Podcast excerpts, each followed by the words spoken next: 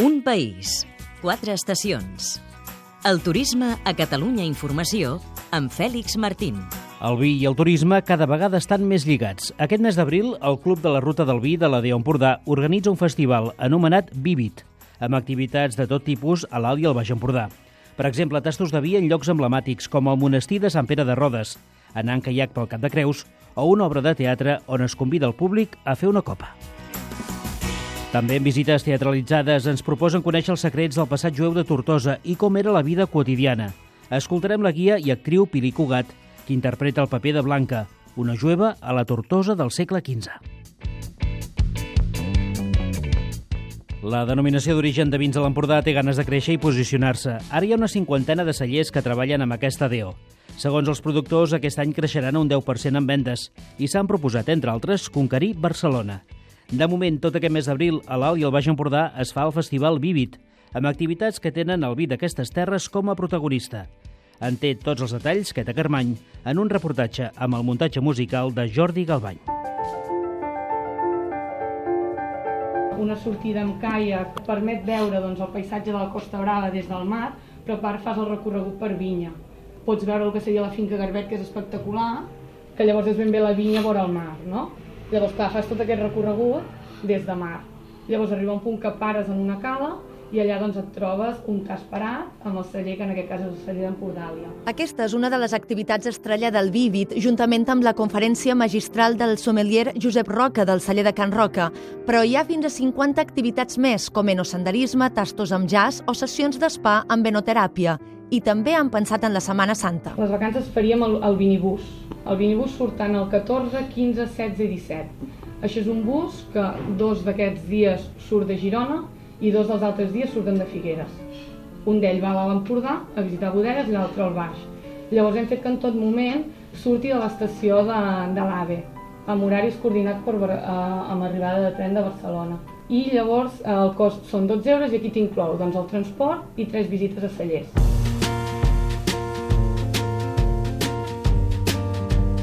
L'objectiu. Sabem que som una deu petita, però que tenim clar que tenim uns productes doncs, molt potents. Ramon Ramos, director del Patronat de Turisme de la Costa Brava. El patronat és crear una, una ruta del vídeo a Empordà on eh, juntem a tota l'oferta turística de, dels mons dels cellers, allotjaments, etc, tots els tractaments en vi, per tal de projectar internacionalment eh, això, el vi de l'Empordà. El repte. La nostra venda es concentra molt a Girona, on s'ha aconseguit una, una bona dinàmica. La veritat és que avui a Girona hi ha més autoestima, diguem-ne, del vi propi. És un fenomen general, però que a Girona és evident que s'ha produït. Però el que més ens queda per treballar doncs, és, és Barcelona, el Xavier Albertí, president de promoció de la DEO Empordà. I la gent de tot Catalunya, però sobretot de l'àrea metropolitana, consumeixi vi català i, si pot ser, eh, vi empordanès. L'essència. Una cosa molt bona que té el Vivit és que s'ha basat eh, sobretot en les propostes dels municipis, dels petits municipis que composen l'Alt i el Baix Empordà, i també dels petits cellers, que llavors és un munt d'actes eh, senzills però molt propers, com els nostres cellers, no? en el que l'atenció és directa doncs, del,